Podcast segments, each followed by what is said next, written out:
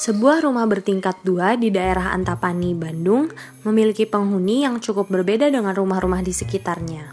Jika pada umumnya sebuah rumah didominasi oleh penghuni manusia, sesuai namanya, rumah kucing Bandung merupakan rumah yang berfungsi menampung kucing liar atau stray cats.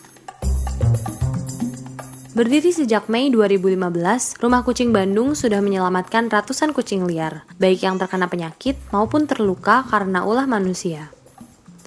Adalah Melisa, seorang mahasiswa semester 2 di salah satu universitas swasta di Bandung yang menjadi pengurusnya saat ini.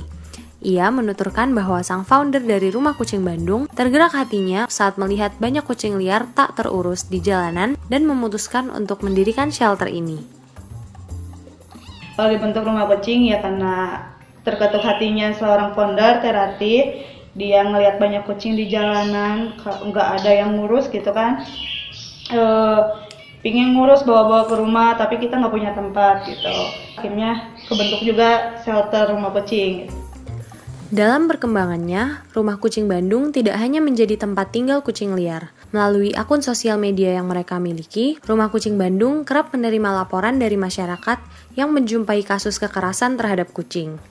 Ya, pertama kita kan e, ada sosmed gitu ya. Kita paling nerima dari sosmed dulu atau om atau langsung kontak ke aku sendiri Nah, kalau misalnya di sini lagi kosong, kucingnya yang memprihatinkan, kita langsung minta ke sini buat kita tampung.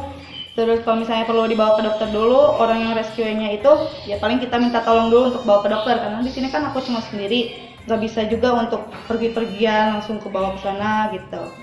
Setelah kucing-kucing tersebut pulih, Melisa akan membuka kesempatan adopsi bagi mereka yang berminat. Meski kucing-kucing yang siap diadopsi ini telah divaksin dan disteril, Rumah Kucing Bandung tidak menetapkan tarif adopsi.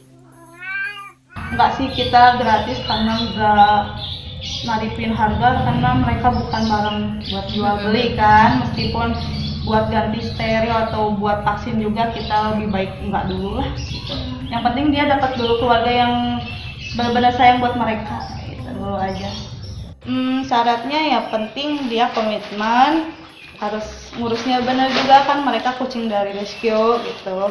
Terus yang kedua sayang kucing yang ketiga orang sekitarnya suka kucing terus yang keempat perhatikan makanannya mereka juga gitu kan nutrisinya harus baik juga. Yang kelima jaga kesehatan mereka sih Selain beberapa kali terdapat oknum tak bertanggung jawab yang melimpahkan kucing peliharaannya di tempat ini, Melisa bercerita bahwa hambatan dalam mengurus rumah kucing Bandung adalah masalah finansial, karena biaya pengobatan, perawatan, dan makanan kucing tidaklah sedikit. Beruntung, ada donatur-donatur yang membantu mereka.